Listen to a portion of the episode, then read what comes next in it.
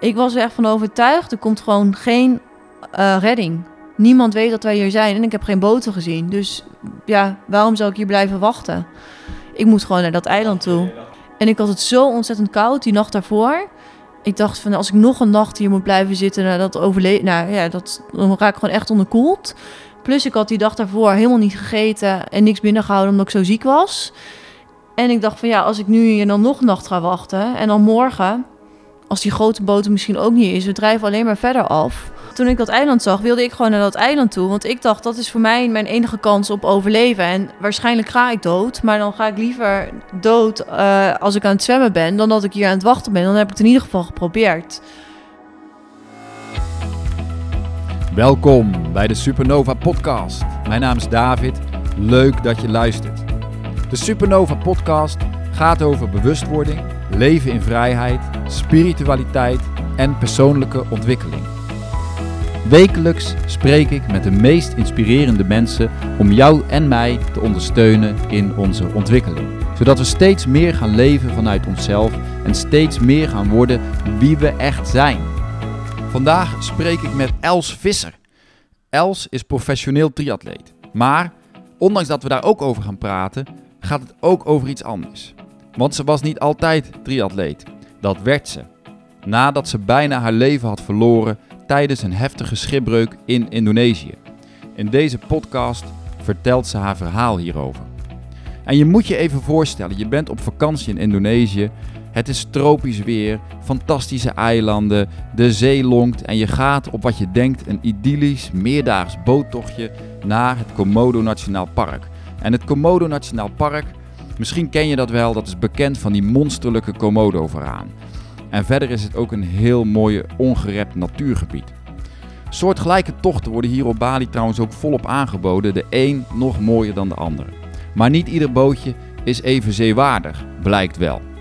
Els en enkele andere Nederlanders, waaronder mijn eigen oom en tante, boekten een boottocht van Lombok naar Komodo. Dat is een tocht waarmee je langs de mooiste eilanden vaart, maar waarmee je ook een oversteek moet maken van 20 uur op volle zee. En dat is ook precies waar het fout gaat. Zonder GPS, zonder voedsel, zonder goede reddingsvesten en met een bemanning die geen Engels spreekt, moeten 25 schipbreukelingen zich zien te redden. Het is een verhaal van overleven, van keuzes maken voor jezelf en in Els haar geval voor zwemmen voor je leven. Na de schipbreuk, want ze heeft het overleefd, besloot Els om haar leven radicaal om te gooien. En ze werd professioneel triatleet. En om dat te bereiken zette ze alles op het spel. Ik wens je heel veel luisterplezier met dit mooie gesprek, maar ik wil je eerst nog even iets vragen. Als je deze podcast waardevol en inspirerend vindt, dan kun je iets voor mij terugdoen. Je doet me een enorm plezier door deze podcast te delen met een vriend of vriendin. Ik geef jou een podcast, jij geeft mij een nieuwe luisteraar. Dat is de deal. En het hoeft helemaal niet ingewikkeld te zijn. Je kan gewoon naar je buurman of je buurvrouw gaan en zeggen: joh, luister eens naar deze podcast. En vertel ze waarom je ernaar luistert. Maar je kan ook via social media natuurlijk deze podcast delen. En het tweede wat ik van je vraag is om jezelf te abonneren op deze podcast via iTunes, waar je trouwens ook een review kunt achterlaten. Ik zeg het maar even en dat helpt de podcast trouwens om wat beter te ranken in iTunes. Als je op de hoogte wilt blijven van nieuwe afleveringen en ook achtergrondinformatie wilt over mijn eigen reizende en ondernemende leven, dan kun je je via mijn website inschrijven voor de Insiders Club. Iedere donderdagmorgen krijg je dan van mij een mail waarin ik iets persoonlijks vertel over mijn leven en waarin ik achtergrondinformatie geef over de podcast die die dag online gaat. Zo ben jij als eerste op de hoogte en krijg je een inkijkje in ons reizende gezinsleven. Oké, dan wens ik jou bij deze alvast heel veel luisterplezier met Els Visser. Oké, Els. Um, superleuk dit gesprek. Ja. Ik zie er heel erg naar uit. Even, wat, hoe zag jouw trainingsdag er vandaag uit? Uh, nou, vandaag heb je dan niet zo'n goede dag, want ik heb echt een uitzonderlijke rustige dag, namelijk dat ik een rustdag heb gekregen. En dat is eigenlijk, uh, nou, ik, ik, kan mijn rustdagen wel echt op uh, twee handen tellen van het hele jaar. Dus um, ja, vandaag... Vandaag niks? Niks, nee. En hoe voelt dat? Het voelt eigenlijk wel goed, omdat ik nu ehm, twee dagen of twee weken geleden weer eh, terug ben gekomen naar Nederland. En ehm, onwijs veel afspraken heb en eh, een hele grote to-do-list heb. Dus ik Ja. heb me vandaag voorgenomen op mijn rustdag echt dat allemaal af te werken. Ja, zodat ik Ja. daarna gewoon weer lekker op mijn trainingen kan focussen. Ja, nou in ieder geval eh, gefeliciteerd met het winnen van de, tria- eh, de Ironman van Maastricht. Ja, Een aantal weken geleden. Ja, Dat is echt de eerste grote triathlon die je op je naam kon schrijven. ja, ja, zeker. Ja, dat was afgelopen 5 augustus. En ehm, ja, dat was gewoon echt onwijs vet, onwijs gaaf om eh, die triathlon of die Ironman te winnen. Had je dat, ehm, was het ook de doelstelling? Ehm, nee, nee. Ik had echt eh, nooit durven dromen dat ik die race zou winnen. Voor mij was het echt de doelstelling om voor mezelf een goede race te racen. Dus echt ja, elk onderdeel eh, goed te racen. En blij te zijn ook uiteindelijk met mijn tijden. En dus het overall plaatje. En Mhm. ik was totaal niet bezig met de andere eh, deelnemers in het veld. Of ehm, ja, mijn eh, ranking. Ja. Ehm, dus eh, nee, ik had geen idee dat ik die eh, wedstrijd maar was het ook de tijd die je had, was dat wel de tijd waar je naar streefde? Of was je- Ehm, was ik eigenlijk ook niet, ook mee, niet mee bezig. En dat is nee. ook zo met die Ironmans, met die races. Elk parcours is heel anders. Uh, Ja. Dus soms dan heb je een heel heuvelachtig fietsparcours. Andere keer heb je een vlak parcours. De ene keer mag je met wetsuit zwemmen, zwemmen. De andere keer mag je niet Oké, met De wetsuit regels zwemmen. zijn dus ook telkens anders. Ja, precies. Nou, ja, ja. Ja. mhm. En hoe, hoe, ehm, hoe ziet dan een gemiddelde trainingsweek eruit? Want dan ben ik toch wel benieuwd naar. Je noemde Ja. er net al drie keer per dag trainen. Ja, ja. Ik, eh, vaak inderdaad dan train ik drie keer per dag. En het is of een, ehm, een fietsdag of een loopdag. En het is altijd gecombineerd met zwemmen. Dus zwemmen is bijna elke dag. Of eigenlijk ja, zes van de zeven dagen. En dat ofwel gecombineerd met fietsen ofwel met lopen. Dus dan zwemmen, twee keer fietsen of zwemmen en twee keer lopen.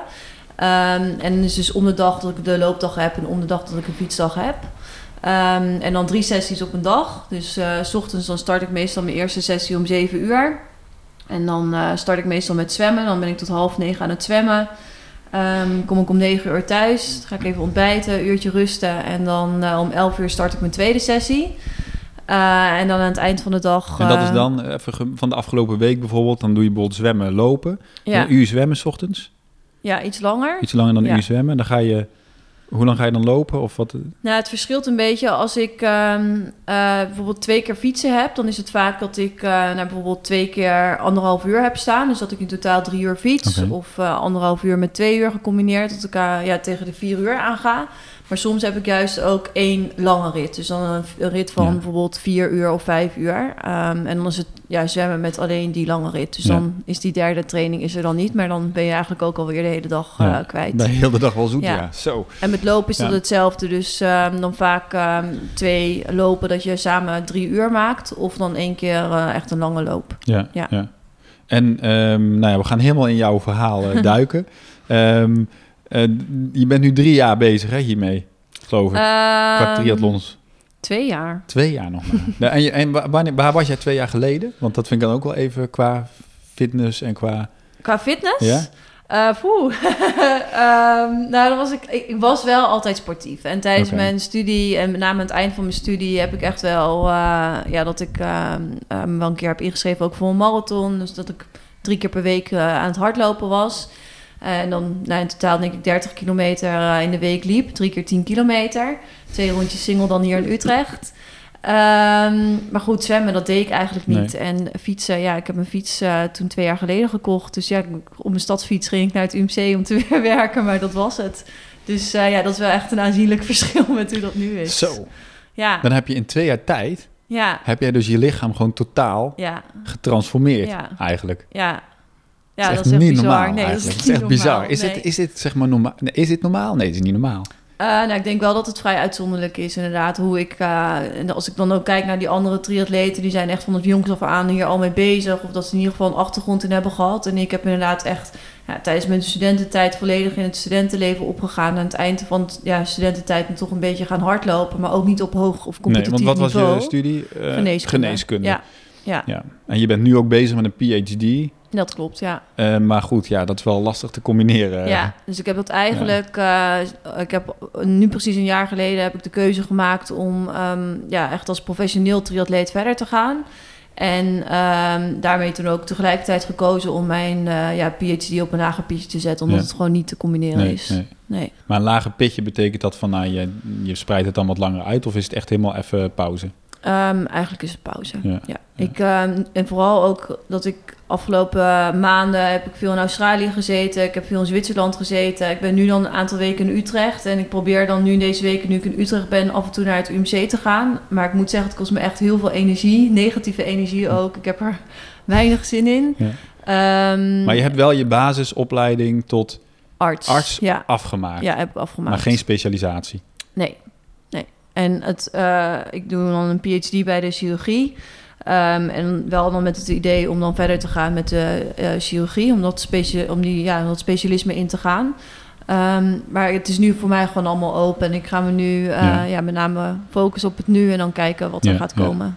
Nou ja, dus de droom van de triathlon eh, Kona is eigenlijk de droom, hè, geloof ik. Ja, zeker. Maar we gaan zo meteen natuurlijk uitgebreid praten over hoe dat gekomen is. Maar wordt er nog geraced? Want die hele vulkaanuitbarsting, ja. het hele gebeuren daar op Hawaii, ik geloof dat het parcours ook... eh, Ehm, ik Nou ja. moet zeggen dat ik niet echt veel gehoord Ja. heb op dat het een belemmering is voor Ja. de race. Ik ga er gewoon van uit dat ze wel een situatie creëren dat er gewoon geraced kan worden en dat iedereen je, daar gewoon ben jij staat. geselecteerd of ga je erheen? Of hoe, hoe Nou, is dat precies? Het is eigenlijk een race voor ehm, zowel de ja, professionele triatleten kunnen daar naartoe als de ja, recreanten binnen triathlon. En dat noemen we eigenlijk de agegroupers. Ehm en eh, binnen het professionele veld kunnen de 40 beste mannen en de 40 beste vrouwen zich daarvoor kwalificeren. En bij de agegroupers, dus de recreanten, zijn het ongeveer, nou, ik denk misschien wel iets van 1000 tot 2000 Ja. atleten die daar zich voor kunnen kwalificeren. Maar goed, als prof, als prof is is, dus het dus... niet zo makkelijk om is het daartussen niet te makkelijk komen. om daartussen te komen. Ehm, en ehm, ja, dan hebben we ja, een heel kwalificatiesysteem. En dit jaar heb ik in ieder geval niet eh, dat ik bij die beste 40 hoor. Dus dat ik Nee. me wel gekwalificeerd heb. Maar dat is inderdaad wel Dat een is het droom. doel- dat is het doel eh, eigenlijk. Zeker Voor- mijn doel. Ja, ja. ja, oké. Mhm. Nou, laat maar even naar het begin gaan. Jij ging eh, een jaar of drie geleden op vakantie. Ja, vier jaar geleden. Vier jaar geleden inmiddels, zomer. Het is nu, ja, nou, het is Augustus iets meer dan vier jaar 2014, geleden. ja. Ehm, naar Indonesië, Ja, omdat je dacht, ik ga lekker even eruit. Ehm, ik ging daar een kooschap doen. Oké. Ja, dus ik zat in mijn vijfde studiejaar van geneeskunde en eh, dat had ik eigenlijk afgerond. En toen wilde ik graag nog een, ehm, eh, ja, een extra kooschap doen. Dus ik ging daar eh, naar Bali toe en daar ging ik dan eh, gynaecologie doen. En dan zou In een ik, ziekenhuis daar in... in een ziekenhuis ja. in Denpasar in de hoofdstad. En dan ehm, had ik daarna nog iets van twee maanden om eh, te gaan backpacken. En daarna zou ik met mijn zesde studiejaar beginnen. Ja. Ja, dus ik had het kooschap gedaan. En eh, nou, toen verschillende eilanden op Indonesië gezocht. En toen had ik nog een weekje over. En eh, nou, toen een beetje rondgevraagd naar wat is leuk om te gaan doen. En toen hoorde ik over die, ja, die boottocht. Ehm, en dacht ik, nou dan ga ik die boottocht maken van Lombok naar Komodo. Ja, precies. Ja. Want Komodo was het doel. Ja, Want Komodo heb je die beesten. Ja, en ik had net mijn eh, paddy gehaald, mijn duikprofet. En eh, je kan er ook onwijs mooi duiken. Dus ik dacht van, nou, het is ook leuk om in die laatste week... eh, ja, nu ik toch net mijn paddy heb gehaald... om daar nog een mooie duik te maken. Oh ja, oké. Dus Ja. je ging van Bali naar Lombok. Ja, Ook met een boot al? Eh, ja ook met een boot. Ja, ja. en die was nog wel oké. die was oké. Eh, dus je kwam, je kom, eh, even, ik wil even in alle details wil Ja. ik het eh, verhaal even horen van jouw kant. Want je, was je alleen? Of had ik was je een- alleen. Oké, je was alleen. Ehm, en je bent op, op eh, Lombok bij je eh, aan boord gegaan van Ja, de Versace. de Versace, heet, Ja. heet de boot. Oké. Eh, vertel even je komt eraan. Ehm, hoe dat ging? Nou, Ja. ik ehm, inderdaad in Lombok werden we opgehaald. En ik weet nog wel dat ik met een Fransman, Bertrand, zat te praten. Want iedereen was eigenlijk samen. Eh, koppels of vriendinnen, vrienden ehm, die er waren. En ik was dan alleen. En Bertrand, die Fransman, die was ook alleen. Dus ik zat gewoon een beetje met hem te praten. En ja, een beetje aan het kijken wie er nog meer aan het groep, in, de, ja, in de groep waren. Hoeveel mensen waren En, er eh, eh, er aan- waren aan boord, zeg maar? twintig toeristen. Ja. Ja, vijf bemanning. Ja. Het was een boot, een houten boot waar je ook op kon slapen. Want het was een vrij lange reis die ja, je het ging was echt maken. een hele simpele boot. Maar goed, ik was ook backpacker en ehm, ja, ik wilde het eigenlijk ook graag simpel hebben en goedkoop. En ik dacht van ja, als het, ehm, ja hoe minder luxe, hoe eh, ja, meer jonge puurder. mensen er ook zijn en hoe puurder het is. En dan kan ik wel op een hele eh, luxe vijf sterrenboot gaan zitten. Maar ik denk ook dat je dan, eh, het publiek dan ook heel anders is. Ehm, en dit was gewoon heel gangbaar onder backpackers. Dus ja, ja het was een, een, houten boot. En dan hadden we boven hadden we een dek waar we allemaal met matjes, matrassen naast elkaar uh, sliepen. Um, maar ja, wel heel gezellig en knus. Ja. Ja. En het was, uh, want uh, de reis, hoe, hoe lang is het dan varen van Lombok naar Komodo? Het zou vier dagen varen zijn. Vier dagen varen? Vier dagen. Want het lijkt niet zo heel ver bij elkaar vandaan, hè, die eilanden. Nee. Allemaal eilandjes. Ja, ja afstanden zijn dan toch nog wel wat ja. langer. Ja, en af en en toe onderweg we deed wel, dan wel... Precies, zouden we stoppen en dan wat verschillende eilanden bezoeken... om um, ja, daar die eilanden te bezichtigen, snorkelen, ja, ja. zulke dingen. Ja. Oké. Okay. Um, dus de eerste bestemming was dan ook een tusseneilandje of ja. zo. Ja. Maar ik begreep dat, uh, wat ik volgens mij in Wilbert zijn boek las, dat er al eerder een, een soort, dat jullie al eerder vastliepen. Ja, dat klopt. Op dag één um, was in de avond, toen waren we aan het varen. En toen uh, stond opeens stond die boot stil. Het was echt gewoon midden op zee. En opeens was zo'n soort van knal en stond die boot stil. Dus wij echt zo kijken, oké, wat is hier aan de hand? En toen keken we en toen zagen we gewoon dat het water nou iets van 20 centimeter hoog was waren gewoon op het koraal vastgelopen. Um, dus dat vond ik eigenlijk toen wel bizar. Van hoe kan het dat wij hier gewoon, te, terwijl we aan het varen zijn, zo opeens op dat koraal vastlopen. Was het heel laag water of zo? Het was heel laag water, ja. Okay. ja. Maar het was wel midden op zee? Uh, of, of, is dat dan nog vrij dicht langs de kust ja, of zo? we zagen het eiland wel, wat ik me kan herinneren. Uh, maar het was niet echt vrij dicht langs de kust. Nee, absoluut niet. Nee. Nee, nee. nee. En toen dacht ik wel van zo'n beetje bijzonder dat die bemanning niet weet uh, dat, ja, dat hier een grote plek aan koraal ja. is. Dat ze hier niet, of dat hier geen gangbare vaarroute is of nee, zo. Nee. Ja. Maar de, kwamen ze ook niet echt professioneel over dan? Of? Um, ja. kijk, weet je, het is ook Indonesië en ik weet ook niet wat je daarvan kan verwachten. En um, het, was wel bemanning, ja, die het is gewoon voor hun het dagelijks werk. Um, dus dan ga je ervan uit dat ondanks het misschien niet allemaal Ze zo... kennen de weg uh, of zo. Precies, en misschien allemaal niet heel georganiseerd is zoals dat wij dat hier in westerse landen hebben. Maar dat ze wel in ieder geval wel uh, ja, weten waar, ja, wat ze in ieder geval aan het doen zijn. Ja. Maar goed, dat vond ik dus wel vrij bizar dat ze dat dus eigenlijk niet wisten. En dat we gewoon op het koraal uh, vastliepen. Maar er was geen schade aan de boot op dat moment. Nou ja, de bemanning die ging toen uh, de zee in. En gingen ze rondjes zwemmen om die boot om te kijken van ja, zien we hier iets van schade of niet. Um, wat eigenlijk de hele groep ook vrij komisch vond. Want die bemanning die stond daar in een onder, die, ja, met een onderbroek gingen ze daar de zee in. Dan gingen ze een beetje om die boot heen zwemmen. En wij zaten echt zo van, ja, wat is dit voor uh, ja, iets onprofessioneels ook. Om dat op deze manier te gaan beoordelen. Um, en iedereen een beetje foto's maken en af en toe uh, ja, gewoon een beetje om lachen. Maar ik moest zeggen dat ik het eigenlijk niet heel erg grappig vond. En ik had ook Nee. echt van... Uh, ja, oké, iedereen doet er hier wel heel relaxed onder. Maar ik had wel van...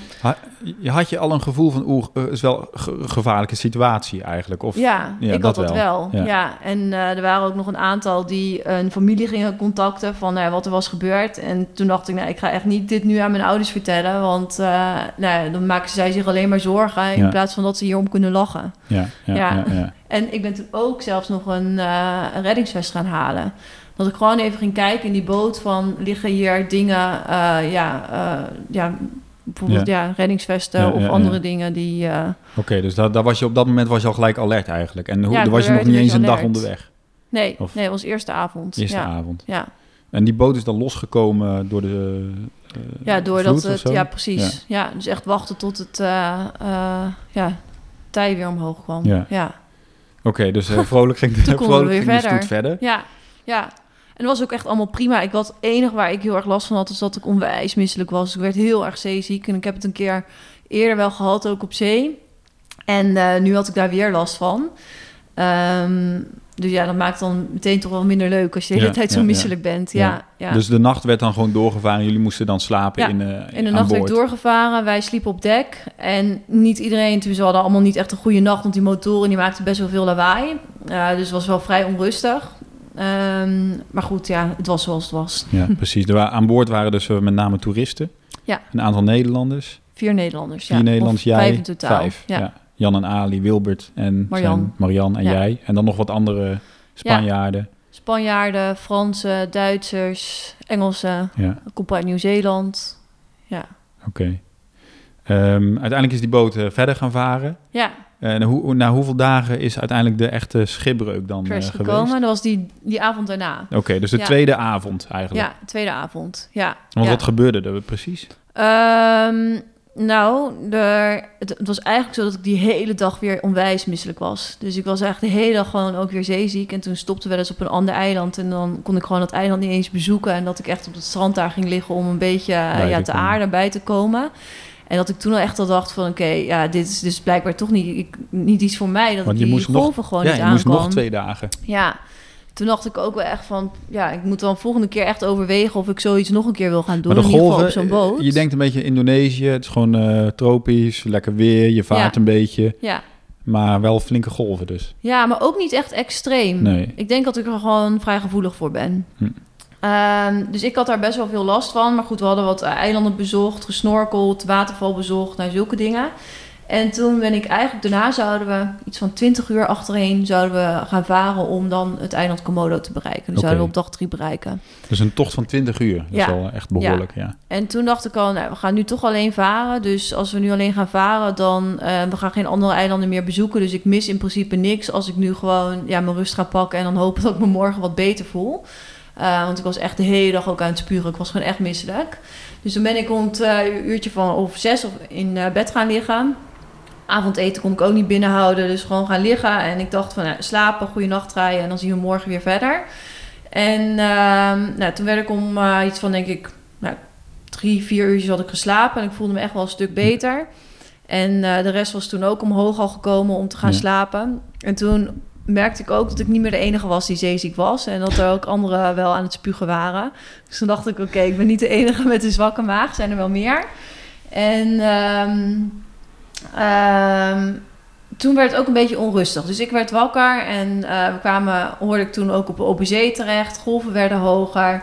En die boot die ging echt alle kanten op. En open zee was echt, dan vaar je dus niet meer langs de kust of nee, zo. nee, nee. Het is echt ja, het open water op. En eh, nou, het was gewoon echt onwijs onrustig. En dat er opeens sloeg er een keer een raampje uit. En ik werd gewoon echt helemaal akelig en bang. En ehm, ja, ik, ik vertrouwde het gewoon niet. Ik was gewoon echt Hmm. angstig. En ik lag naast twee Spanjaarden. En die Spanjaarden die hadden zelf een eh, boot ook in Spanje. En eh, nou, die kenden eigenlijk de weg op zee goed. Dus ik zou aan hun vragen. Ik vond het wel fijn dat ik naast hun lag. Ik zo van ja, is dit normaal? En moet ik, wat moet ik hiervan denken? En eh, ja, gaat het allemaal goed? En zij zaten me ook een beetje zo aan te kijken van ja, weet je, ja, het zal wel gewoon ook met open water te maken hebben. Laten we maar gewoon gaan slapen en dan hopen we dat als we morgen wakker worden het beter is. Maar was het dan eh, extra, was de zee extra ruig of dat Ja. niet? Dat ja, wel. vond ik wel. Ja. Ja. Ehm, ja, en ook omdat echt die golven echt tegen die boot En aankletsten bootje was en dat raampje eruit klein. sloeg. Bootje was klein.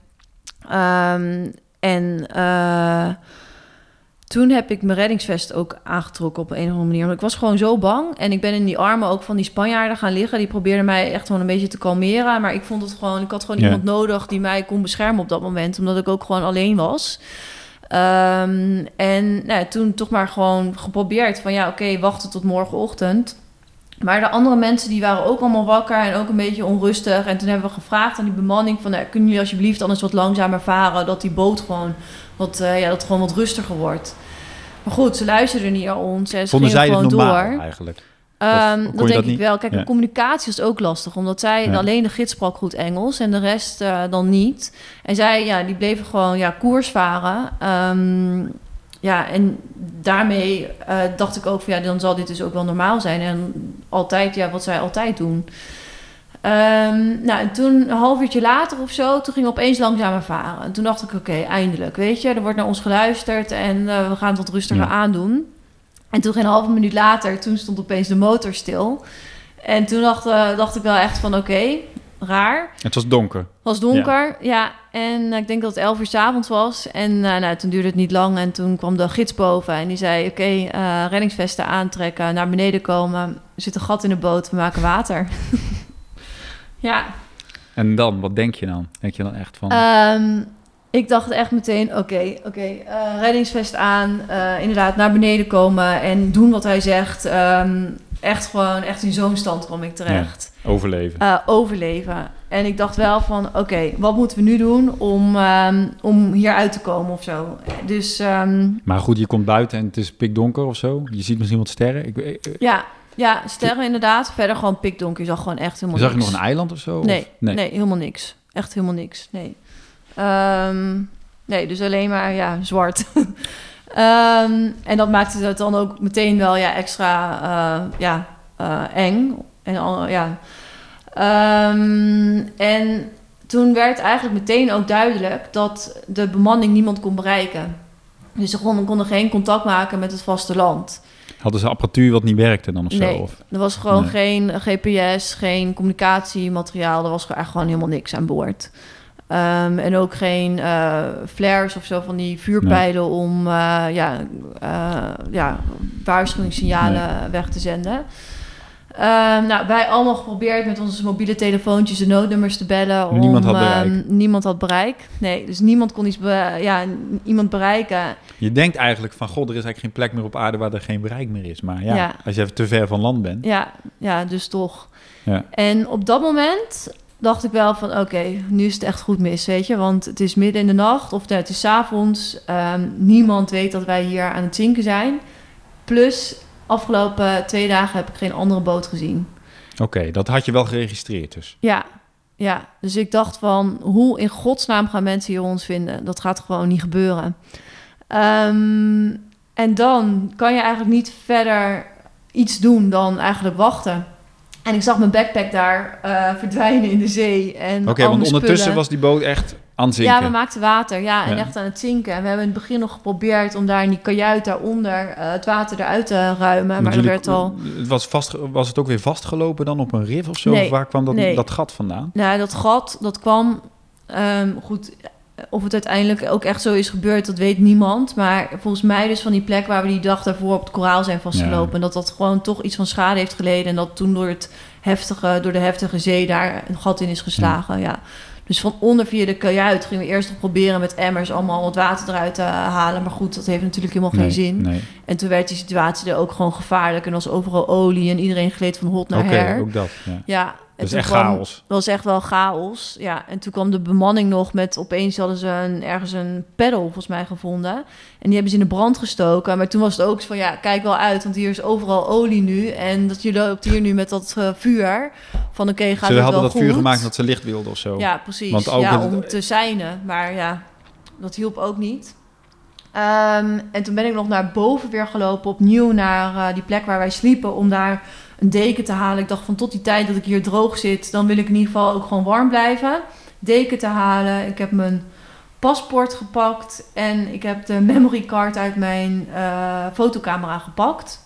Oké. En die heb ik in een moneybelt gestopt en om mijn middel geknoopt. En eh, ja, voor de rest dacht ik van ja, weet je, alles gaat nu tot de zee. En Ja, ik kan nu wel ja. redden wat te redden valt, maar valt niks te redden. nee. Nee.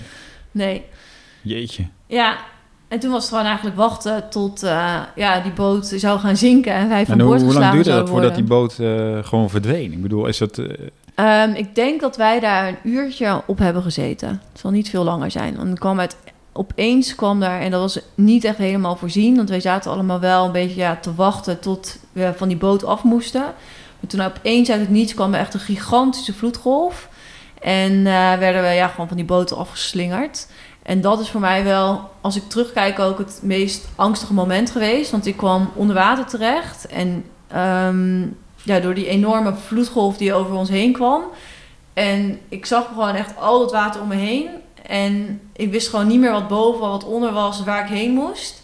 En ik voelde me echt een soort van helemaal bekneld in, ja, in een plek waar ik niet uit kon komen.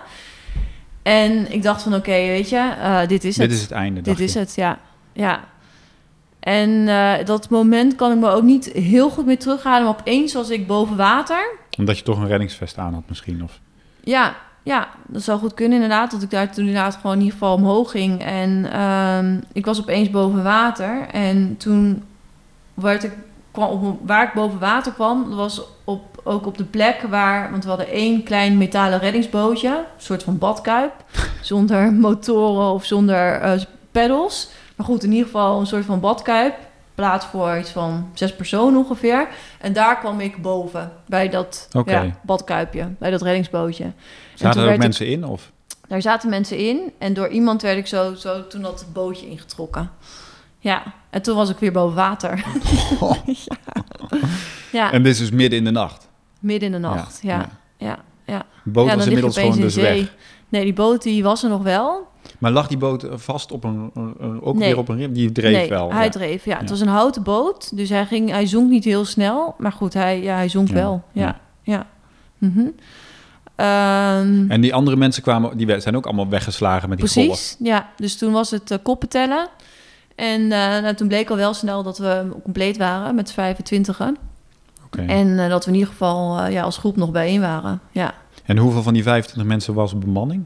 vijf. Vijf. Dus Ja. 20 toeristen en vijf. Indonesiërs. Ja, En één sloepje voor zes personen. ja. Precies. Jij zat erin. Ik zat daar op dat moment in, ja. ja. Mhm. Maar goed, er was al snel ook wel roleren met elkaar natuurlijk. Ja, want ik begrijp dan eh, van Wilbert begreep ik dat er op een gegeven moment hè, eh, een systeem, jullie hebben op een gegeven moment een systeem bedacht van nou ja, als wij willen overleven, dan moeten we een, iets gaan doen, samen gaan Ja. werken, wat dan ook. Kun je Ja. dat even uitleggen hoe dat bij jou is eh, binnengekomen? Ja. Eerst was het het idee om zo snel mogelijk bij die grote boot weg te gaan. Omdat we dachten, als die grote boot echt gaat zinken, dan heeft hij gewoon zijn zuigkracht. En dat wij allemaal meegezogen worden onder water. Dus we moeten hier weg. Dat is een beetje het Titanic scenario. Precies, ja. ja. En ehm, daarna dachten we, ja, het is wel een houten boot. Hij drijft nu nog. Ja, misschien kunnen we ook maar gewoon daar op het dak gaan zitten. Want er zitten er nog een paar anderen ook op het droge in plaats van in het water. Dus toen zijn we weer teruggegaan naar die grote boot. Dan hebben we met een touw die kleine reddingsboot aan die grote boot vastgemaakt. En eh, toen zijn dus ongeveer zes man zijn in dat bootje gaan zitten. En de rest is op het dak van die boot. eh, en op, dat is nog een balkon ook. eh, op, het, op het balkon en op het dak van die boot, eh, zinkende boot gaan zitten. Ja. En je zat liever in het reddingsbootje, want daar zat je droog. En op die grote boot kwamen de hele tijd golven over je heen. Dan was het gewoon echt onwijs koud. En dat, dat was mijn grootste probleem, dat ik het gewoon zo ontzettend koud had. Ehm, dus ik wilde eigenlijk heel graag in het bootje zitten. Maar goed, ja, we moesten wel roleren. En dat was inderdaad want ook een jullie hadden afgesproken met elkaar van goh, we gaan roleren iedere keer. Ja. En om de hoeveel tijd was dat dan? Of? Ehm, ja, wanneer we gewoon dachten dat dat eh, tijd was. Ja, En dat ging gewoon eh, prima. ging prima. Ja, ja, ja. Kijk, Het- toen was ook nog het begin. En dan eh, is iedereen nog wel van, ja, dat ze... Ja, Want op de, oh, jullie dachten meer van, goh, we moeten de nacht maar zien te overleven. Dan Precies. worden we wel eh, gered dat was zo. het inderdaad. Nou, het gered, nee, dat niet. Ja. Tenminste, dat dacht ik niet. Misschien anderen wel. Ehm, maar het was wel inderdaad gewoon wachten tot het nu licht wordt. Want we konden gewoon helemaal niks. Nee. Als het donker is, ja, dan kan je niks. Nee, Nee. En dus het werd licht? Het werd licht. moment, een uur of zeven? uur of, ja, ik denk al wel eerder daar in Indonesië. Maar goed, het werd Ja. licht. En toen zag ik tot mijn grote verbazing zag ik een eiland. en toen was dat wel voor mij echt een eh, opluchting. Van oké, er is in ieder geval land. Want voor de rest waar je keek was gewoon één grote vlakte van zee. Maar toch een eiland. Ja, en die boot was inmiddels gezonken. De nee, volgende we zaten ochtend. nog steeds op Oké. het dak. Ja, ja. Ja. Ging best langzaam, die Ja, boot. ik Ja, kan het zeggen. Dan heb je Mhm. toch heel de nacht... ja. En dan, wat is dan het, eh, was er dan een plande campagne met elkaar? Van, goh, gaan we dan maar naar die, dat eiland varen met Nou, het bootje? Of? Dat werd inderdaad wel geopperd. Van, eh, in ieder geval wilden we als groep bij elkaar blijven. We zeiden als groep, dan zijn we in ieder geval ehm, ja, toch krachtiger. En dan eh, hebben we ook dat, dat we meer zichtbaar zijn op zee. Dus als dan mensen langskomen, dat we dan ja, als groep gezien worden. Dus geen goed plan om te gaan splitten. Ehm, en ja, toen werden er verschillende scenario's besproken. Ook echt van, oké, wij gaan dan met dat eh, metalen bootje... dan gaan we wel naar het eiland toe... En dan eh, komen jullie daarna ophalen, weet je zo. Of eh, ja, moeten we dan eh, naar dat eiland toe gaan zwemmen. En nou, allemaal verschillende scenario's. Ehm, maar uiteindelijk bleek wel van, ja, weet je, naar dat eiland toe gaan, dat heeft gewoon helemaal geen zin. Want hoe ver was dat dan, dat eiland? Heb Ja, je weet daar... je, dat is echt een vraag die ik nog altijd heb. Van hoe, wat zal die afstand geweest zijn? Want dat kan je gewoon moeilijk inschatten Ja. op zee, weet je. Het was helder en ik, ik kan Het daar geen uitspraak over doen. Het was in de verte. Het was ver, dat was Ja. duidelijk. Ja. Maar hoe ver? Ik kan dat niet in kilometers uitdrukken. nee, Nee. nee. Eh, maar het was niet even van, oh, daar ben ik binnen twee uurtjes zwemmen of zo. Dat Nee. zag je wel. Ehm, en daarnaast was het zo dat die golven gewoon ook nog best wel heftig waren en hoog. En dat die ook van het eiland afgingen. Ehm, dat we dachten, oké, we kunnen beter hier gewoon wachten bij deze boot. ja. Ja. Dus dat deden we. Ehm, maar goed, ik had eigenlijk vanaf het begin af aan, al toen ik dat eiland zag, oké, ik moet naar dat eiland toe. Want ik was er echt van overtuigd, er komt gewoon geen eh, redding. Niemand weet dat wij hier zijn en ik heb geen boten gezien. Dus Ja. ja, Ja. waarom zou ik hier blijven wachten? Ik moet gewoon naar dat Dan eiland dacht je, toe. jij dacht dan, we gaan gewoon eh, wachten tot we dood zijn. Wachten tot we doodgaan. Ja. Ja. En ik had het zo ontzettend koud die nacht daarvoor. Ik dacht van als ik nog een nacht hier moet blijven zitten, nou, dat overle nou ja, dat dan raak ik gewoon echt onderkoeld. Plus ik had die dag daarvoor helemaal niet gegeten en niks binnengehouden omdat ik zo ziek was. En ik dacht van ja, als ik nu hier dan nog een nacht ga wachten en dan morgen, als die grote boot misschien ook niet is, we drijven alleen maar verder af. Weet je, en, en eten was ook een probleem, hè? Want ja, je hebt, jullie hadden geen Alles was eten mee. weggespoeld. Ja. Ja, Was ook niet nog voor, jullie hadden ook nog niet nog eten uit te draaien. ja er was nog kunnen. één ananas of twee ananassen die we eh, hebben gevonden. Maar goed, ja, die waren toen ook in de ochtend, werden die al opgegeten. Dat ik dacht van, oké, we kunnen hier ook, misschien over een dag kunnen we dit ook gaan opeten. Maar goed, in de ochtend eh, hadden sommigen toch al honger. Dus eh, Ja. ja. werd die ananas opgegeten. Ja, dan dacht ik van, ja, als iedereen nu gaat eten, dan ga ik ook eten, weet je. Ja. Ja, dan ga ik niet mijn stukje Nee. aan iemand anders geven. Dat werd wel verdeeld dan de ananas, zeg maar. Of, Ehm, ja, dat werd wel verdeeld, ja. ja. En ook wel, iedereen die krijgt een hele andere. ehm eh, sommigen die zijn echt heel erg hè, saamhorig en elkaar helpen. En Mhm. eh anderen die denken weer meer aan zichzelf. Ehm, ja. Ja, want eh, dat, dat, dat wordt natuurlijk heel eh, precair. Je bent Ja. het overleven allemaal op Ja. zo'n moment. Dat, Ja. dat merk je ook gelijk dat je in een soort van ander soort van staat van zijn dan bent. Mhm. Ja, Ja. Dat, dat, dat had ik wel heel erg. Ja. Ja, ja. En Dus dat zag je misschien eh, ook bij de andere eh, schipbreukelingen. Ja, ja, iedereen had gewoon heel andere reacties en heel andere, eh, ja, hoe ze daarmee omgingen. Dus sommigen versteenden ook echt, anderen verdrietig, woede. ehm, inderdaad wel overlevingsdrang. Maar hadden jullie eh, al die tijd wel communicatie over en weer? Hadden jullie gesprekken? Of ja, wat, we hadden hoe is wel dan?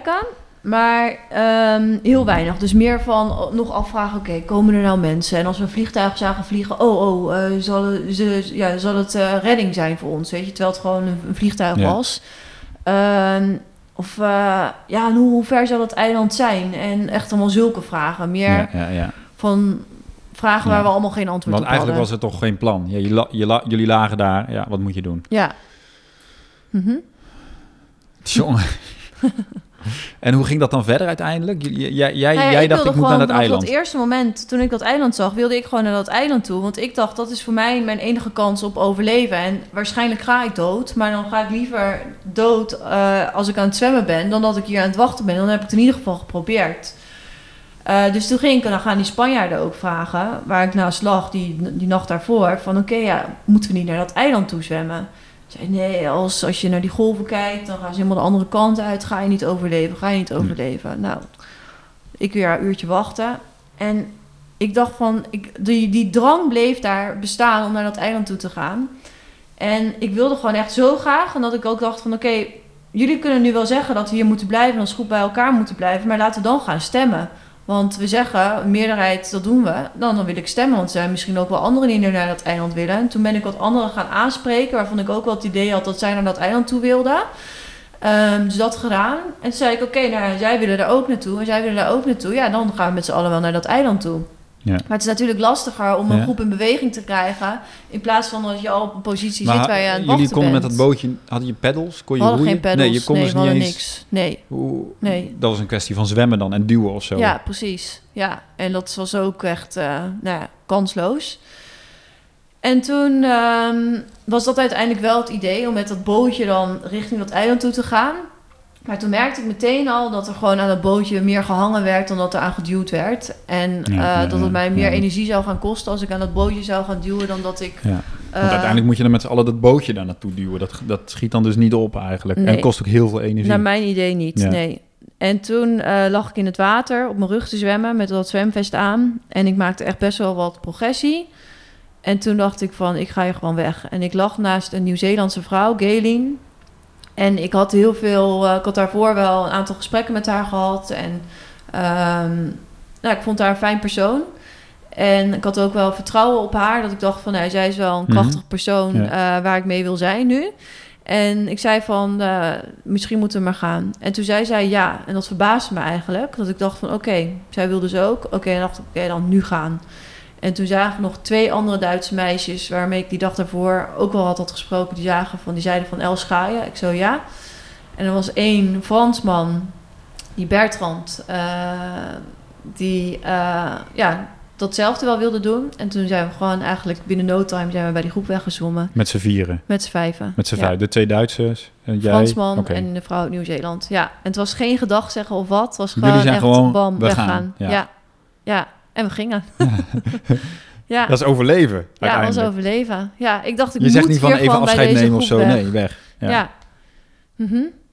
En het was, ook, ja, het was ook eigenlijk een hele snelle beslissing. Maar we hadden hem gemaakt en het was gewoon, ja, gaan. Ja. Mhm. En vervolgens zijn jullie gewoon alleen maar gaan zwemmen. Vervolgens zijn we alleen gaan zwemmen. En het duurde niet lang tot, want eh Gaylene, die vrouw uit Nieuw-Zeeland, zij had flippers aan. Zij kon wel eh, redelijk snel. Ik ging ook wat sneller. En die Fransman en die twee Duitse meisjes gingen wat langzamer. En het was lastig om met z'n vijven bij elkaar te blijven, Mhm. in die grote golven. En ehm, dat ging eigenlijk ook heel automatisch. Ik ging gewoon met Gaylene zwemmen en die andere drie bleven bij elkaar. En we gingen als twee groepen ook weer uit, uiteen. Ja. Geen gedag gezegd of iets. We gingen Nee. gewoon, ik ging gewoon met haar zwemmen. Ja.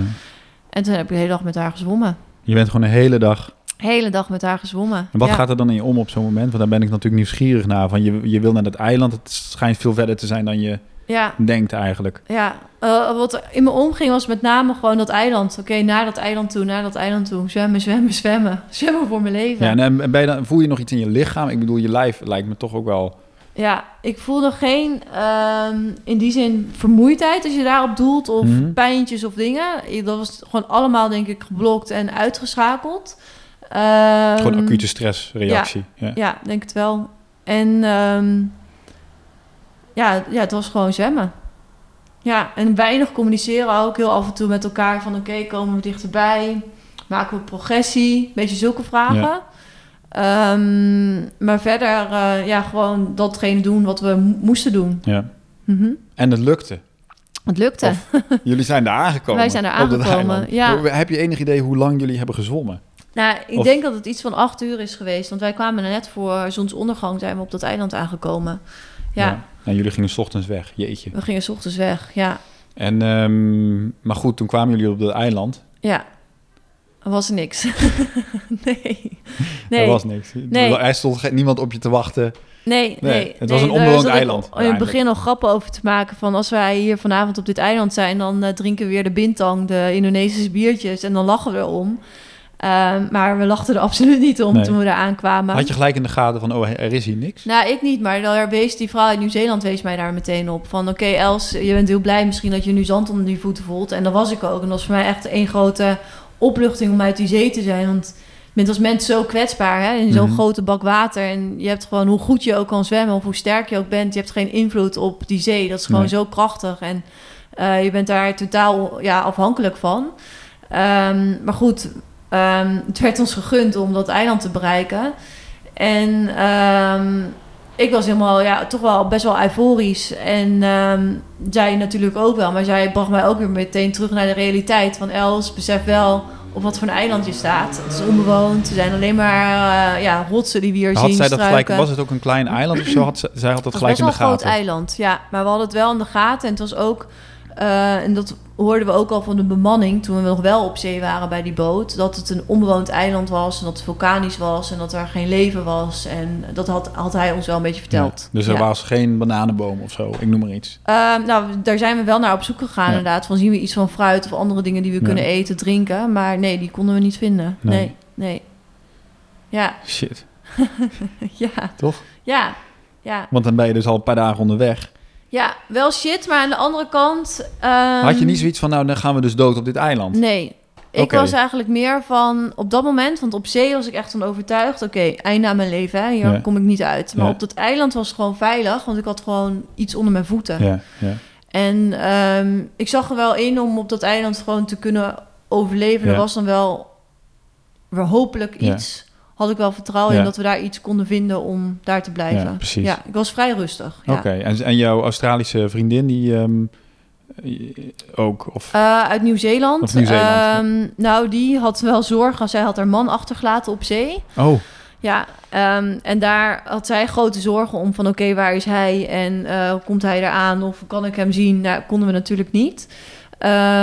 Dus zij was daar heel erg mee bezig. En dat we ook op dat eiland echt een soort van pijlen gingen maken... waar we naartoe liepen. Zodat als er anderen aan zouden komen... dat zij mo- ja, Ja. mogelijk die pijlen zouden zien... zodat zij zouden weten waar wij eh, heen zouden gaan. zo. Ja, Dat is ook wel bizar eigenlijk dat zij dus, zonder te overleggen, ja, bij haar man is weggezwommen. ja. Maar goed, dat is wel echt ook in Ja. een soort van vlaag gegaan. Ja, Nooit tuurlijk. bewust Je bent natuurlijk. het overleven. Precies, ja. Ja, ja. Mhm. En, hoe, en wat, wat, eh, hoe lang zijn jullie op dat eiland dan geweest? We hebben daar een nacht geslapen. En toen in de ochtend, eh, einde van die ochtend, zijn we uiteindelijk gered. En Ja. hoe is die redding dan gegaan? Want er kwam er gewoon een bootje voorbij of zo? Want jij In zei, de- ik heb eerder helemaal nooit boten gezien. Nee, in de ochtend kwam er een boot langs varen. En toen zijn wij, hebben we onze reddingsvesten hebben we in een paal gehezen en hebben we daarmee eh, contact gemaakt. Maar goed, die boot die ging gewoon door en die verdween weer. En ehm, dat was eigenlijk ook wel iets wat ik had verwacht, omdat ik, eh, ja, ik wist dat zij niet gewaarschuwd waren.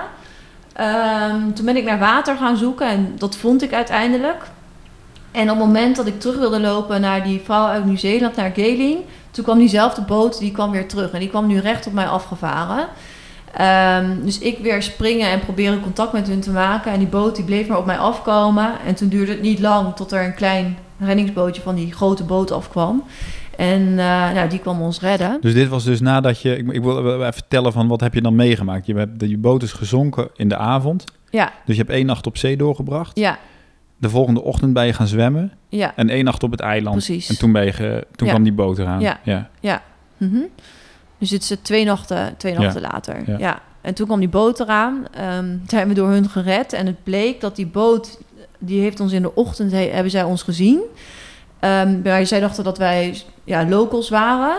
En toen zijn zij door gaan varen. En toen zagen ze op een andere plek die drie anderen. Dus die Fransman en die twee Duitse Ja. meisjes die ook zijn gaan zwemmen. Die zagen ze daar staan. En die waren ook... Die waren ook hun- aangekomen op het ook eiland. aangekomen. Maar door de stroming echt kilometers eh, naar op een andere plek. Ehm, waardoor zij ons ook niet meer konden bereiken. Ehm, en die, zij hebben ook ja, contact gemaakt met die boot. En toen dacht die boot van ja, is hier iets aan de hand? Laten we maar gaan kijken. Ehm, toen bleken zij in nood te zijn. En toen wisten zij dat wij ook En in toen nood jullie waren. aan boord kwamen, waren die Duitsers... Die, eh, en die Fransman, die waren daar ook Ja. aan boord. Ja, Ja. precies. Die waren eerst opgehaald. Ja, en het was een eh, duikboot met toeristen erop. En dat was een ja, boot, helemaal georganiseerde duikreis. En die toeristen die gingen op verschillende plekken in Indonesië gingen ze Duiken. duiken. En die, zij wilden nu bij dit eiland, waren ze heel lang niet meer geweest. Maar dachten ze, laten we hier een keer gaan kijken. Omdat dit een vulkanisch eiland is. En dan schijnt die zeebodem ook een beetje ja, een Ja. stuk warmer te zijn. En heel mooie effecten te geven. Ja. Dus laten we hier Ja. een keer gaan duiken. Dus die waren daar eigenlijk ja, eh, out of the blue eh, ja, Heel toevallig. heel toevallig Ja. ja. ja, langsgekomen. Jeetje. Gered. En, maar je had dus altijd wel die drive van ehm, het eh, komt wel goed eigenlijk. Of nou, op zee niet. nee. Nee, Nee. nee. Maar ik moet zeggen, zodra ik bij die grote boot weg was... was het voor mij echt van... weet je, nu kan ik in ieder geval proberen om mijn leven te redden. En dat zwemmen was echt... Ja, precies dat je niet afhankelijk bent van anderen of zo. Precies, dat zwemmen was veel fijner dan dat Ja. wachten bij die groep en waar Ja. iedereen een andere mening had voor mij. Ehm, en ik was gewoon actief bezig. Ja. Ik had gewoon iets waar ik mijn pijlen op kon zetten. Ja. En ehm, ik had wel van, weet je, waarschijnlijk overleef ik dit zwemmen ook niet. Maar ja, weet je, dan heb Het ik het zo. geprobeerd. Het zij zo. Ja, ja. En op het moment dat ik op dat eiland was, toen zag ik wel van, oké, weet je, ik kan hier wel... Met name toen ik dat water had gevonden, dacht ik... Oké, nu kunnen we hier wel Je kan in ieder geval een paar dagen overleven. overleven. Ja, ja, ja. Ja. als nodig moet. En zo hoe, wat, is, wat, wat gebeurde met die andere bemanningsleden of die andere schipbreukelingen? Nou, wij zijn toen naar het dichtstbijzijnde vasteland gebracht. En op eiland gebracht. En eh, zijn naar een politiekantoor gebracht. En ehm, ja, die boot waardoor wij gered zijn, die had allemaal hele goede apparatuur. En zij hebben ook een rapport opgesteld van oké, eh, dit en dit is er gebeurd. En eh, er moeten nu ook ja, een zoekactie moeten gaan plaatsvinden om die anderen te gaan vinden. Jullie zijn niet zelf met dat bootje gaan rondvaren? Hebben we eerst nog wel gedaan, maar dat was echt eigenlijk onbegonnen werk. Ja. Ja, omdat het gewoon, ja... Je weet niet waar je heen dat- moet. Je Nee. weet niet waar je heen moet, nee. Nee, nee. Nee. Dus ehm, dat was dan nog even spannend. Absoluut, Ja. ja. Ja, Gaan die anderen dat dan ook redden eigenlijk? precies, Ja. ja. ja. En uiteindelijk zijn die anderen eh, ook Die zijn gered? aan het einde van die dag zijn zij gered, ja. ja. Dus zij zijn net geen derde nacht ingegaan op zee. Net op tijd. Want als je inderdaad het verhaal leest van eh, Wilbert, hè, die een boek heeft geschreven, ik zal het wel onder in de show notes eh, zetten. Schipbreuk in het Paradijs. Mhm. En ook wat ik van Jan en Ali heb gehoord. Ja. Dan ehm, was het allemaal echt heel kantje boord. Ja. Absoluut, Ja. ja. Wa- Wanneer zijn jullie, eh, zijn jullie nog verenigd met elkaar? Niet op dat eiland, want wij zijn eh, op vrijdagnacht zijn we gezonken, vrijdagavond, en op zondag zijn we gered. En op ehm, zondag hebben wij daar in een hotel geslapen, terwijl die anderen pas eh, die zondagavond eh, gered zijn. En die kwamen op maandagavond kwamen zij naar het hotel waar wij waren. Daar En heb je zij- ze dus wel gezien. Nee, wij zijn toen daarvoor zijn wij naar Bali al teruggevlogen. Ja, Ja. ja. Ja, En jullie hebben ze ook helemaal niet meer gezien in Indonesië? Nee, Of nee, nee, nee. nee, nee. Want zij waren er echt dramatisch aan toe, hè? Ja, zij zijn nog naar het ziekenhuis geweest. En, eh, ja. Want hoe had jij lichamelijk nog achteraf van de verbranding of allerlei... Ik had eh, hele extreme verbrandingen. Dus mijn gezicht was helemaal kapot. Alleen mijn blaren en mijn ogen, die waren helemaal ook echt super pijnlijk, weet ik nog. Helemaal rood en zo. Maar lichamelijk voelde ik me verder goed. Ik had wel Ja. natuurlijk heel veel spierpijn in mijn benen, want Ja. zwemmen. Helemaal verzuurd. Ehm, maar verder voelde ik me goed. Ja, ja. oké. dus dan kun je zeggen, dan is het met de sisser eigenlijk afgelopen. ja. Maar kijk, wat, mij, eh, wat ik interessant vind, hè, is hoe... ehm, eh, ja, wat heeft dit jou... Ja, daar gaan we nu- nu over praten. Wat heeft die ervaring eigenlijk met jou gedaan uiteindelijk? Mhm. Je bent een student, het gaat allemaal Ja. goed in je leven en dan... Ja, Eh, ik ben eigenlijk heel snel ehm, weer het leven gaan oppakken. Dus de week nadat ik thuis kwam ben ik gestart met mijn zesde jaar van geneeskunde. Ehm, en ik dacht van ik moet ook gewoon door. Ik kan hier wel lang bij stil blijven staan, maar ik moet gewoon het leven oppakken met waar ik mee bezig was. Dus dat heb ik gedaan. En ehm, dat ging een beetje met vragen. Dus op zich ging het wel goed, maar wel ehm, ook dat ik af en toe wel moeilijke momenten had. En ook dat ik Wat, wat was het dan voor moeilijke momenten? Nou, dan toch wel emotioneel, verdrietig. Dat ik wel moeilijk kon verklaren, maar ook dat ik dacht van ja, dat ik, dat ik op een plek was waar ik niet hoorde te zijn. Oké. Ehm, want ik hoorde eigenlijk helemaal niet meer te leven. Ik hoorde, ja, ik hoorde ja, er niet meer te zijn. Dat voelde je- of dat was onbewust of zo ja, het was een je beetje, dat? het ja. was gewoon heel gek om weer in deze wereld rond te lopen. Ja, ja, dus zo'n drie dagen eigenlijk. Die hebben zoveel impact. Je ja, bent natuurlijk... en dat is ook, want daar heb ik wel eens over nagedacht. Van, wij hebben in een situatie gezeten dat we gewoon twee dagen lang hè, die stress hebben ervaren. En vaak als je een ongeluk hebt met een auto of zo, dan is het een flits. Hè? Mhm. En dan heb je gewoon binnen 10 seconden dat je Ja. iets heftigs meemaakt. Maar dat is 10 seconden. Maar ik heb twee dagen lang Ja. ehm, die stress Die in mijn lichaam gevoeld. Precies, ja. Dus ik was ook heel, nog wel vrij lang, nog wel heel erg alert, hyperalert. Ja. Ja. Gejaagd wel een beetje. Ook. Maar je bent eigenlijk gewoon doorgegaan met het leven. Ja, En dat zet je op een gegeven moment, liep je daar dan in vast of zo? Of wat, wat? nou, ik liep moet er niet dat zeggen? in vast. Ehm, ja, meer wat ik net ook zei, dat ik toch wel eh, niet af, af en toe niet helemaal kon begrijpen of verklaren waarom ik er was. Hm. En slapen deed ik soms ook al dat ik in de middernacht van de nacht wakker werd en dat ik dan niet meer goed in slaap kon komen. Dus meer een beetje ja, Ja. zo'n reactie. Ja. Ehm, maar gelukkig had ik ook heel veel toch wel steun van familie en vrienden en dat ik het wel kon handelen. Ja. Ja. ja. Maar duidde jij dat dan van, goh, dat is nog een lichamelijke iets wat met de stressrespons te maken heeft? Of is dat dan toch nog een soort diepe onderliggende psychologische laag van je bent eigenlijk gewoon bijna dood geweest? Ja, ja dat denk ik wel. Ja. ja, ik denk dat je toch eh, iets van een trauma hebt opgelopen door zo'n ja, zo'n situatie, zo'n gebeurtenis. Wat je dan meedraagt omdat je gewoon ook een plekje moet geven. Ja, wat er nog niet verteld is, is dat er ook twee, ja, de Spanjaarden, ja, is een van de Spanjaarden overleden? Beide. Of beide. Ja. Dat zijn die mannen waar jij mee, ja, dat klopt. Dat waren waar jij in de armen lag. Precies, ja. Ja, dat, zijn dat die, moet je, ja, dat zijn die Spanjaarden waar een beetje in de armen lag. En ehm, waar ik ook het advies aan vroeg van zwemmen of niet zwemmen. En zij zijn uiteindelijk ook toch gaan zwemmen. Omdat zij, ik denk, toch eh, ja, geen helm meer zagen om daar te wachten op zee. Maar zij zijn later vertrokken dan wij zijn vertrokken. En zij hebben ja, het niet gehaald. En eh, dat de stroming is veranderd, dat er iets anders is gebeurd. Ja, daar kunnen we erover speculeren. We weten het niet. Ze zijn nooit meer teruggevonden. nee. Ja. En dat was, denk ik, heeft ook wel lastig voor mij gemaakt dat ik wel ging beseffen hoe groot het risico ook is geweest dat ik ben gaan zwemmen. En, ja, want het eh, klinkt een beetje, als ik, als ik jou hoor praten, klinkt het een beetje van, nou ja, wij zijn gaan zwemmen en toen zijn we gered. Het, valt Ja. allemaal, het klinkt een beetje, het valt allemaal wel mee. Mhm. Terwijl ik eigenlijk van ehm Wilbert, maar ook van Jan en Ali wel wat heftiger, eh, natuurlijk zijn leven bij de boot, wat heftiger was. Ja, Maar goed, de Spanjaarden hebben het niet overleefd, dus dat was inderdaad wel toch wel Mhm. heftig. ja, absoluut. Absoluut. Ja. het was eigenlijk toch wel gewoon weer proberen het leven op te pakken. En echt inderdaad door te gaan met waar ik mee bezig was. Ja. En echt wel hè, al regelmatig stilstaan bij wat er eh, was gebeurd. En ik had ook echt heel veel steun aan dan toch Jan en Ali, Wilbert en Marjan. Omdat ik daar alleen op die boot was en niemand om mij heen kon mijn verhaal begrijpen. En zij wel. Ja, dus jullie zochten elkaar achteraf op. Ja, Ja. ja en dat was heel fijn. En eh, af en toe echt wel emotionele momenten. Maar wel gewoon proberen ja, dat, dat leven weer op Ja. te pakken. En, en toch had jij dus ergens het gevoel van... Goh, ik hoor hier dan niet meer of zo in dat leven. Ja, en ik had dus wel ongeveer twee maanden na dat ongeluk... dat toen bij mij het een beetje ging dalen wat er was gebeurd. En dat ik dus ook ehm, af en toe het gevoel had van... ik hoor hier Mhm. niet te zijn en waarom mag ik dit allemaal meemaken... en loop ik hier rond, terwijl het ook in een heel andere situatie had Mhm. kunnen zijn. Ehm, en dat besef kwam een beetje ook ja, de heftigheid dan van de gebeurtenis. Ja. En op een gegeven moment besluit jij dan in die periode... of wanneer van ik wil eh, sporter worden of zo. Ik Ja. bedoel, er is toch ergens een connectie, lijkt mij, Ja. te maken. Ja, ik denk dat die er zeker te maken is. Ehm, ik ben in ieder geval eerst mijn studie gaan afronden. Ik ben met promotieonderzoek gestart bij de chirurgie.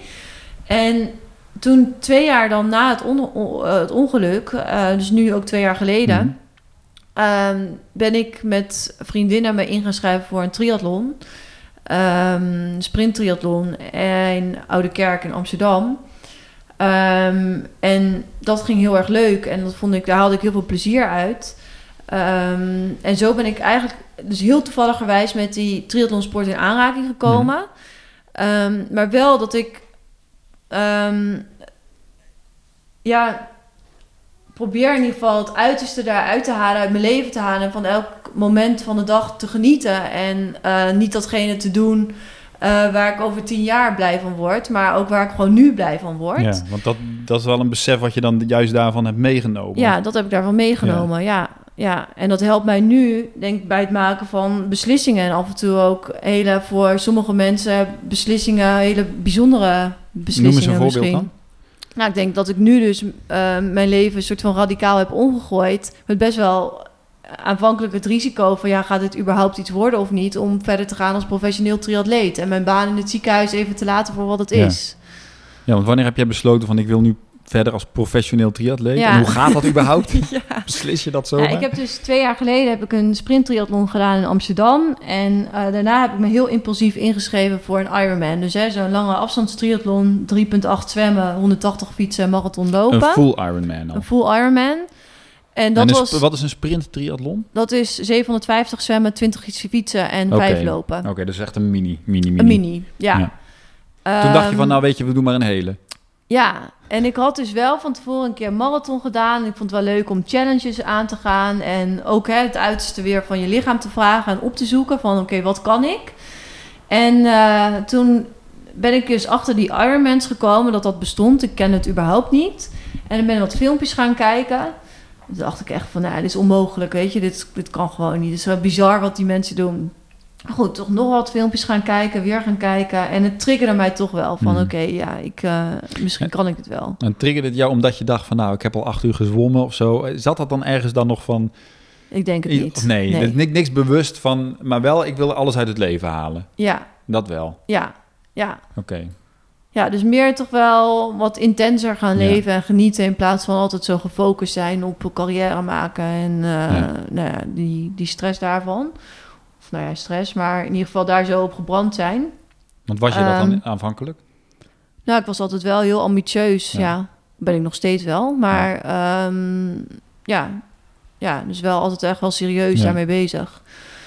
Ehm, nou, toen dus die eh, filmpjes gaan kijken. En toen dacht ik van, nou ja, als ik wel een keer zo'n Ironman wil gaan doen... dan is dit wel het moment. Ik ben nu bezig met mijn onderzoek... en dan ben je eigenlijk vrij flexibel. Je hebt geen nachtdiensten, je hebt geen weekenddiensten. Dus ehm, dan is dit het perfecte moment om daar naartoe te trainen. Ja, je hebt een ritme eigenlijk om Ja. te trainen. Ja.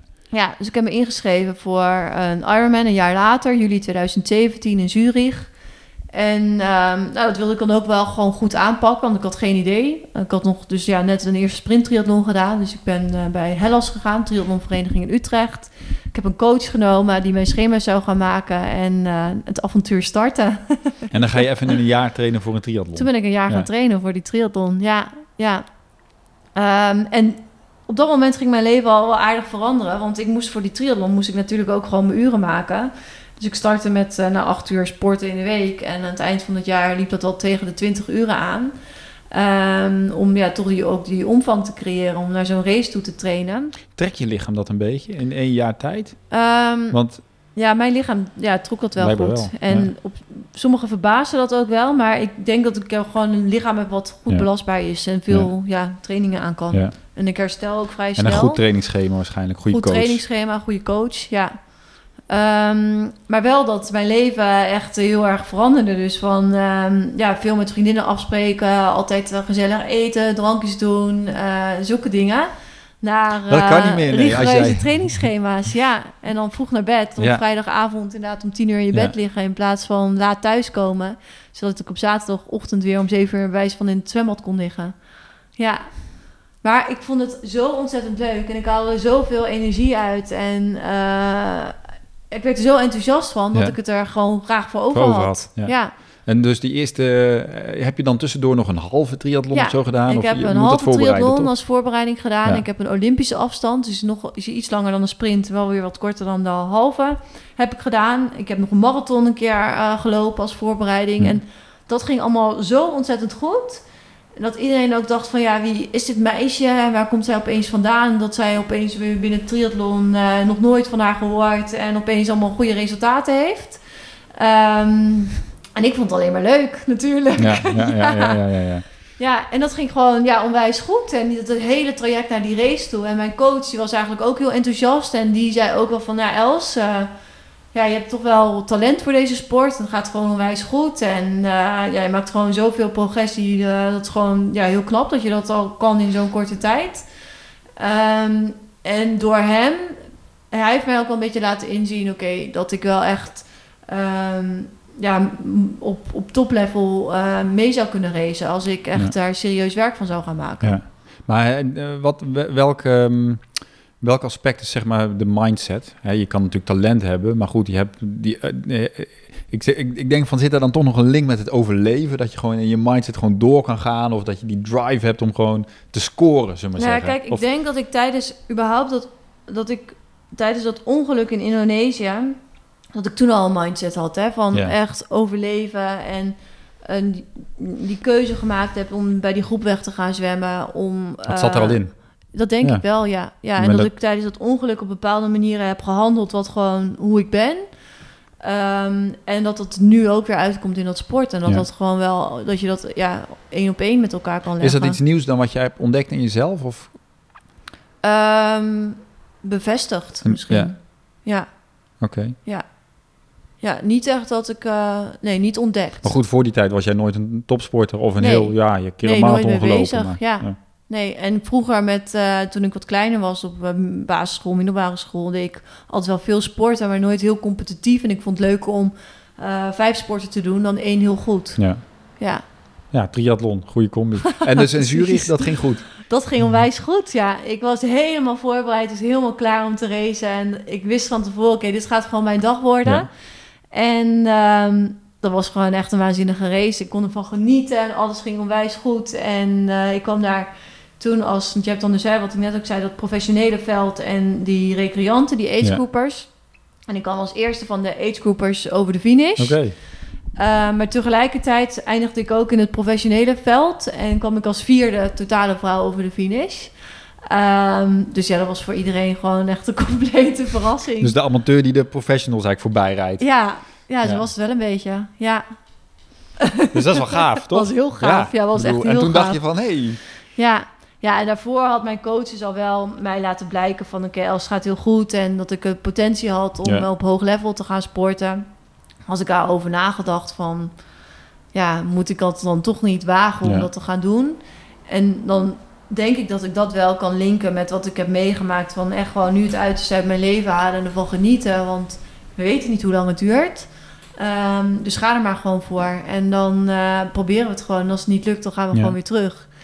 En eh, ik dacht van, oké, dan ga ik nu eh, ja, ik- ja, me hierop focussen. hoe doe je dat dan? Ik bedoel, dan zeg je van, ik ga dus nu ehm me een soort van eh, professioneel sporter worden. Ja, Wat, ja. Ja. Wat ik heb gedaan, ik ben naar Australië toe gegaan en ik heb daar een hele goede coach gevonden. Want ik dacht van als ik het wil, en dat is eigenlijk een beetje met alles wat ik doe, dan wil ik het ook goed doen. Is dus alles wil ik er niks, ook ja. volledig voor gaan.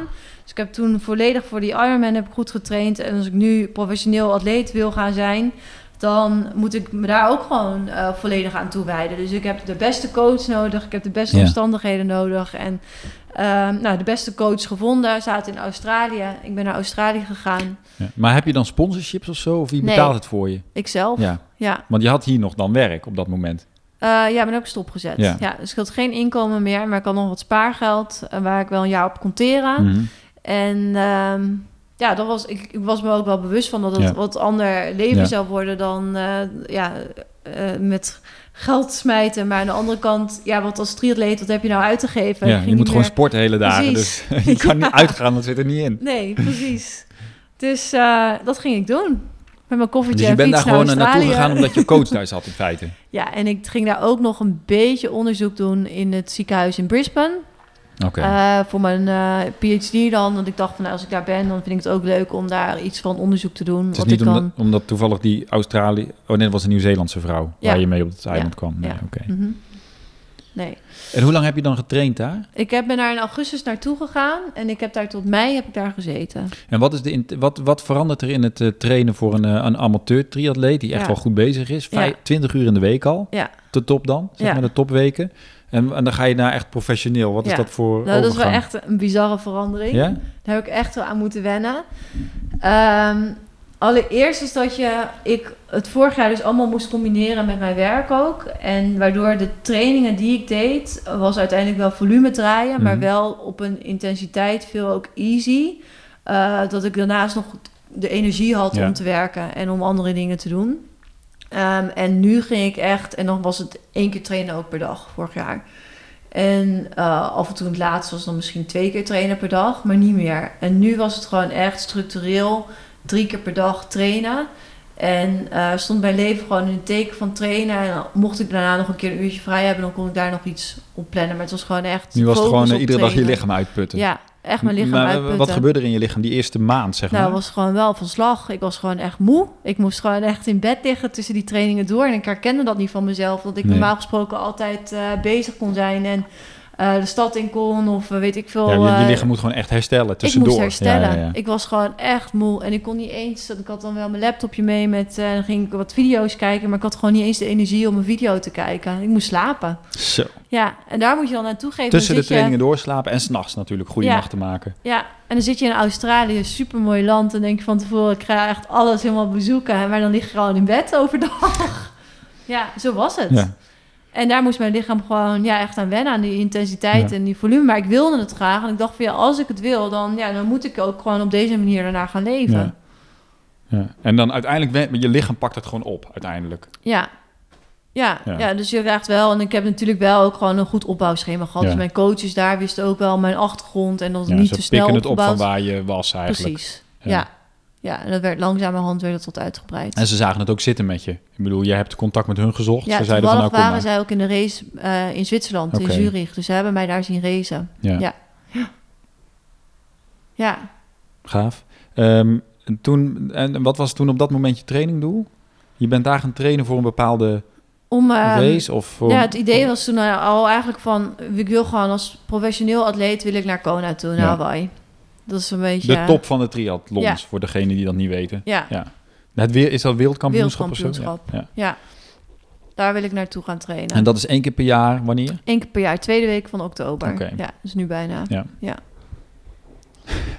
Nee, maar goed, dat staat nog op de agenda voor, Ja. voor het jaar later dan. Ja, precies. 2019. Mhm. Maar goed, toen, eh, dat was eigenlijk vanaf het begin al een beetje je doel van, nou, daar moet ik dan heen. Ja, als je dan mee wil doen op Ja. hoog niveau. Ja, Ja. precies. En dat is voor ons gewoon echt een beetje ja, het mekka hè, van, de, van de triathlonsport waar we naartoe kunnen. Ehm, dus ja, als ik dan voor wil gaan, dan is dat ook mijn doel waar ik graag naartoe wil. Ja. Ja. En je bent eh, na die, ehm, eh, je hebt dan getraind een half jaar in Australië.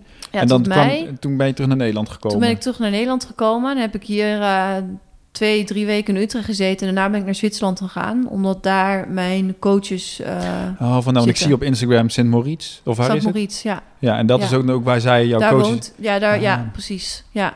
Daar maar ik dacht misschien heeft het te maken met dat je op hoogte traint of zo. of- Ook, ja. Dus zij hebben eigenlijk een kamp gecreëerd op hoogte. En waar al hun professionele atleten in de zomer gewoon aan het trainen zijn. Ja, Ja, oké. drie maanden lang. En dat is dan nu voorbij? Of? Dat is nu voorbij. Ja. Eind september loopt het af. Ja, Ja. ja. er zitten nog een aantal. Ja. En wat is dan het plan voor jou de komende winter? Ehm, nu ga ik nog mijn seizoen een beetje doortrekken naar races in Azië. Dus ik ga daar nu verschillende races nog doen. En eh, in de winter dan ga ik denk ik naar Gran Canaria toe. Omdat ze daar ook daar weer een soort van basis hebben Ja. gaan creëren met verschillende atleten. En En wel dat, met diezelfde coaches eigenlijk? Ja, Ja, ja, oké. Dus je zit echt nu in een team van professionals. ja, Ja. ja. En zij bepalen voor jou welke race, wanneer of... precies. Ja. Ja. ja, precies. Dus je hoeft niet zelf dat allemaal te bedenken van ik moet daar Nee, dit... ik kan wel een beetje sturen en laten Ja. weten ook wat ik zelf graag wil. Maar uiteindelijk mijn coach beslist van wat goed voor mij is en wat niet. Oké. Dat is wel lekker. Dat is heel me. fijn. Ja, Dus je kan het wat dat betreft, je hoeft alleen maar je trainingen te draaien, zo moet je zeggen. Ja. ja, ik hoef eigenlijk alleen maar te luisteren. Ja. Ja. Te luisteren, En gewoon te uitvoeren. voeren, Precies. Zolang het goed gaat, gaat het goed. Ja. Dus wat staat dan de komende nog op het programma nu? Ehm, nou, dat ik in ieder geval het race in Azië ga doen. Ik weet nog niet welke races. Oké. Er zijn en er dat verschillende. zal in... Oktober, november. Oké. Je Ja. weet ook nog niet welk land of... Nee. En dat is wel mijn, de coach die ik heb, die is heel erg van het last minute plannen. Dus ik kan het ehm, ja, misschien twee weken voor een race horen van ik vlieg daar maar naartoe. En dan vlieg ik daar naartoe en dan ga ik daar een race doen. Oké. En dan neem je dan je fietsje mee? Of hoe- Neem ik mijn fiets mee, ja, in de koffer. En dan eh, gaan we racen. Wat een avontuur. Ja, Toch? Ja, onwijs. Ja, ik vind het fantastisch. Ja, het is wel bijzonder, vind ik. Ik bedoel, Ja. als amateursporter in Nederland dan, en, of, of als goede sporter in Nederland, ja, dan is het toch wel een ander leven, denk ik, dan eh, eh, Ja. wat jij nu aan het doen Ja, bent. absoluut. Ja, Absoluut, Ja. ja. in twee jaar tijd totaal ander leven, ja. Mhm.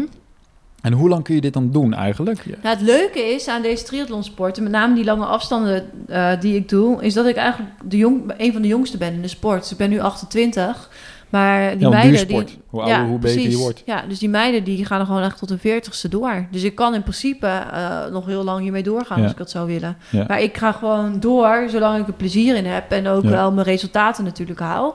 Als ik eh, het allemaal leuk vind, maar ik kan niet met eh, de top mee, ja, dan moet ik Dan moet je conclusies trekken. Precies. Maar goed, ik heb maar nu zoals het er laten nu zien uitziet.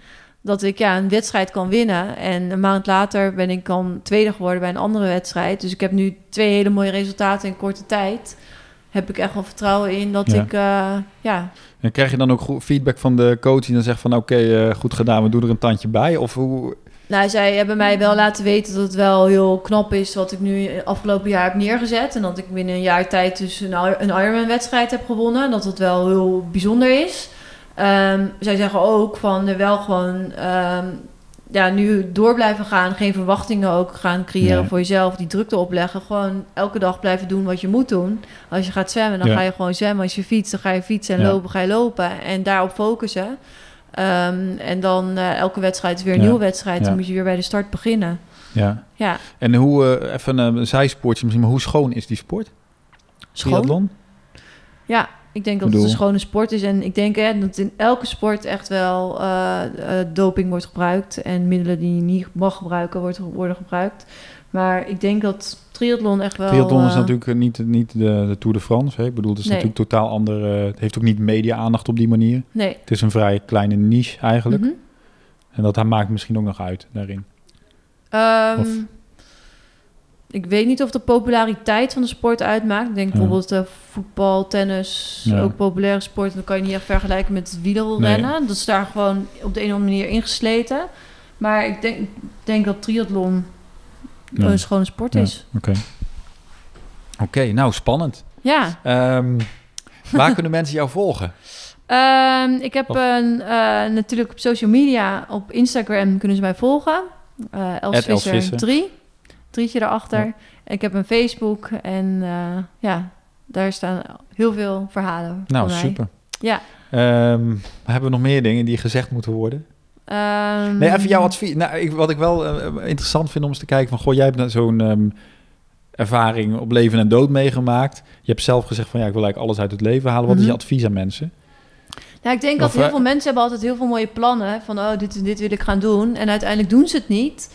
En ik vind ook, hè, als je uiteindelijk die drang niet hebt... dan moet je het ook gewoon niet doen. Als je gewoon gelukkig bent op die manier... wat ehm, misschien wat minder avontuurlijk is en in mijn ogen saai. Als jij er tevreden mee bent, helemaal prima. Maar als je wel gewoon die, die drang hebt en die prikkels voelt, dan denk ik, doe het gewoon. Weet je, en er is altijd een weg terug en je kan altijd weer. eh, ja, je hoeft maar je vingers te knippen en je bent weer terug in je oude leven. Dus waag het gewoon. Weet je, Ja. neem het risico. En gaat het fout, gaat het fout. Maar ik denk altijd, als je het gewoon echt wil, dan gaat het gewoon goed. Ja, Ja, niks, niks te verliezen. te verliezen. Nee. Nou, mooi. Gaan we daarmee afsluiten. ja, Els, bedankt. graag gedaan. Oké, dat was het. Wat vond je ervan? Daar ben ik benieuwd naar. Ehm, dus laat het mij weten. Je kan mij mailen op supernova.davidpieters.com. Mocht je ook suggesties hebben voor de podcast, misschien interviewgasten, dan kun je mij dat ook laten weten. En wie weet ehm, kan ik dan ook een podcast met hen opnemen. Ehm, hopelijk vond je het een inspirerend en interessant verhaal. En mocht je er wat meer over willen weten, er is een boek eh, geschreven door een van de andere opvarenden, Wilbert van Hanegem. Dat boek heet Schipbreuk in het Paradijs. Ehm, eh, waar je wat meer, eh, ja, waar je zijn perspectief eigenlijk krijgt op deze schipbreuk. Hij was een van de mensen die in het sloepje achterbleef. Ehm, hopelijk heb jij geen schipbreuk nodig om jouw leven om te gooien, mocht je dat willen. Maar wil jij het roer van jouw leven ook omgooien, dan kan ik jou helpen. Eh, ik heb besloten om een half jaar van mijn tijd te investeren in mensen die van hun wens werkelijkheid willen maken. Ehm, kijk even op mijn website. Ik heb een pagina gemaakt waar ik je wat meer vertel over hoe ik werk en wat ik jou aanbied daarin. Ehm, mocht je daarin geïnteresseerd zijn, dan kun je gewoon contact met mij opnemen en dan kunnen we een gesprek inplannen om daarover te praten. Ehm, verder wens ik jou een hele mooie dag toe en dan ben ik volgende week weer terug op de lijn met een nieuwe podcast. Ehm, voor nu een fijne dag en eh, je hoort mij volgende week weer. Tot ziens.